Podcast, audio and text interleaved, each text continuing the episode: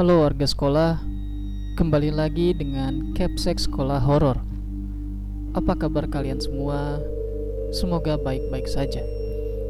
Di episode Sekolah Horor kali ini menceritakan tentang teman kecil. Bagian ke-1. Cerita ini bersumber dari akun Twitter @rianftdnt. Selamat mendengarkan. Sebuah cerita dari seorang sahabat tentang pengalaman horornya. Namaku kurasa aku tidak dapat menyebutkannya. Sekarang usiaku genap 22 tahun. Aku memiliki seorang teman wanita sedari kecil dan dia yang membuat aku dicap sebagai seseorang yang aneh. Karena katanya aku sering berbicara sendiri. Sampai akhirnya aku menyadari ketika aku semakin beranjak dewasa. Akan tetapi temanku itu masih tetap kecil dan dia masih sering mengunjungiku hingga saat ini. Namanya Mahda Eli Nora. Matanya biru, kulitnya kuning langsat, rambutnya coklat muda. Aku berteman dengan Mahda saat usiaku masih lima tahun. Saat aku dan kedua orang tuaku tinggal di sebuah kota di Surabaya. Aku dan Mahda sering menghabiskan waktu bersama di sebuah taman di halaman belakang rumahku. Mahda sangat suka sekali bernyanyi. Saat bernyanyi, ia biasanya berputar-putar dan berlari seraya memainkan gaunnya. Aku sempat bertanya kepadanya tentang di mana keberadaan orang tuanya. Tapi dia menjawab, "Aku dibuang." Lama-kelamaan, aku semakin dekat dengan Mahda. Pernah suatu ketika aku hendak memperkenalkannya kepada ibuku, tapi Mahda kemudian menghilang. Aku berteriak, memanggil namanya, tapi Mahda tetap tidak terlihat. "Kamu cari siapa? Tadi kamu ngobrol sama siapa?" tanya ibuku. "Aku mencari temanku, Bu. Mahda namanya." Jawabku. Aneh kamu ini. Mana ada teman? Kamu kan di sini dari tadi sendirian. Sudah, sana mandi.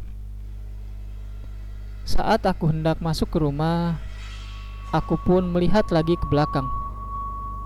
Dan ya, Mahda berada di belakangku seraya tersenyum. Giginya putih dan satu di tengah ompong. Kamu tadi ke mana? Tanyaku. Tapi Tiba-tiba saat itu ibuku memanggil. Ayo mandi, katanya. Saat aku hendak memperkenalkan Mahda, ini bu temanku, namanya Mahda. Tapi lagi-lagi Mahda tidak terdeteksi oleh penglihatan. Mana? Sudah, sana mandi. Jangan banyak alasan. Aku yang saat itu masih kelas 1 SD belum begitu percaya dengan hal-hal yang berbau mistis. Karena memang pada kenyataannya aku bisa merasakan keadaannya. Aku pun sering berbincang bersamanya. Dan bahkan aku dan Mahda sering keliling komplek bersama. Dan aku yakin dia nyata. Tapi Hari demi hari, saat aku bersamanya, aku semakin merasakan hal yang aneh. Perasaan aneh itu terjadi ketika aku sadar bahwa gaun yang dipakai Mahda adalah gaun itu-itu saja. Alias, Mahda tidak pernah berganti pakaian. Aku pun berkata, "Kamu mau pakai baju aku tidak?" Tapi dia menggeleng menolak tawaran dariku. Katanya, "Aku tidak bisa memakai gaun manusia."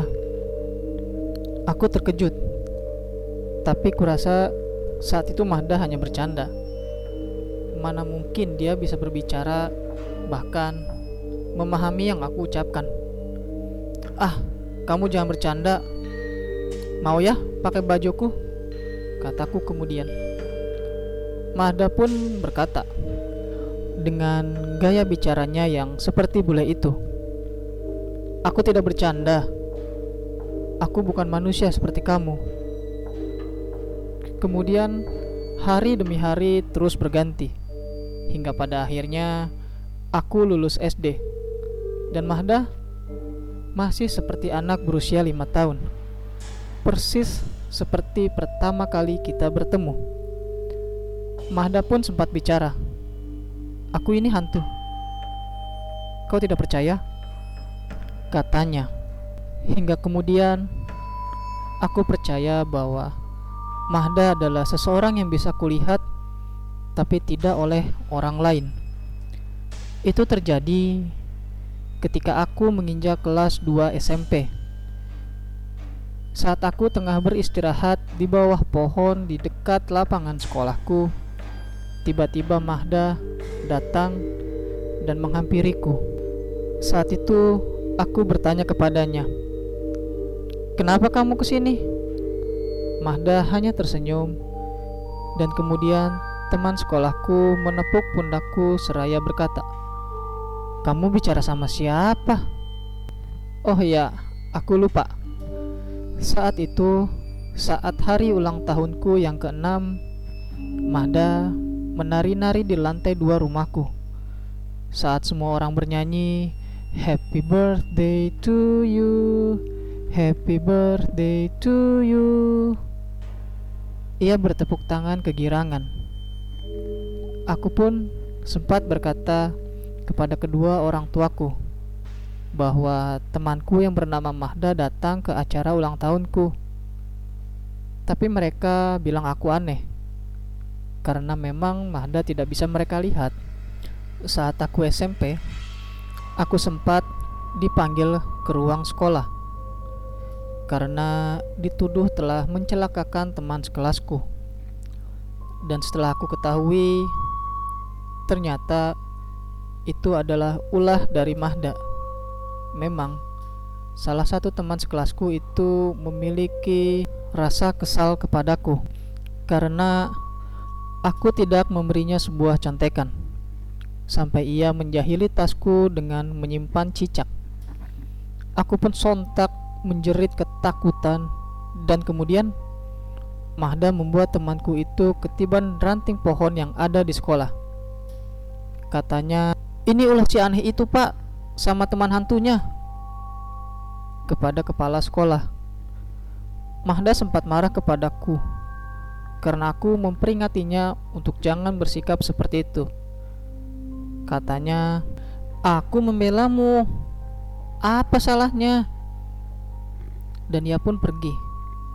Kurang lebih seminggu dia tidak menemuiku. Teman-teman di sekolahku semakin membuliku dengan memberi sebutan anak aneh, si indigo, atau bahkan teman setan kepadaku. Aku merasa kesepian. Aku kemudian mencoba memanggil Mahda, tapi dia tak kunjung datang.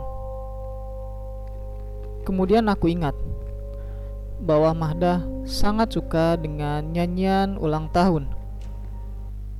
Kemudian aku pun menyanyikan saat berada di dalam kamar. Dan ya, dia datang. Dia menghampiriku. Mahda, aku kesepian, kataku. Kamu kenapa? ada orang jahat lagi. Teman-teman di sekolahku menghinaku Mahda, kataku, dan Mahda pun menghampiriku. Dan kemudian ia pun berkata, Kamu mau lihat wujud asliku? Kurasa kamu perlu tahu sekarang. Aku sempat takut, karena saat itu sudah jam 10 malam. Kenapa diam? Tenang, kamu tidak usah takut, kata Mahda. Lalu kemudian ia pun menunjukkan wajah aslinya. Dan ternyata di luar dugaanku. Wajahnya sama persis seperti Mahda yang biasa aku lihat, bahkan lebih cantik. Dia pun sedikit bicara Belanda yang aku tidak tahu artinya. Tapi katanya, itu ucapan jangan bersedih lagi. Aku tahu kamu kuat. Kemudian malam itu Mahda bercerita tentang keluarganya dan bagaimana hari-hari yang ia lalui semenjak ia hidup.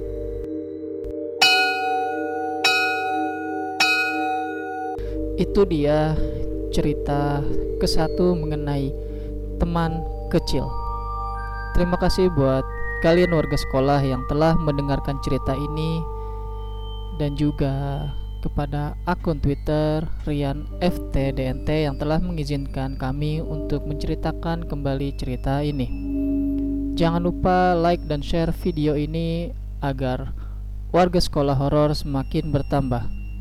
Dan sampai jumpa di episode berikutnya.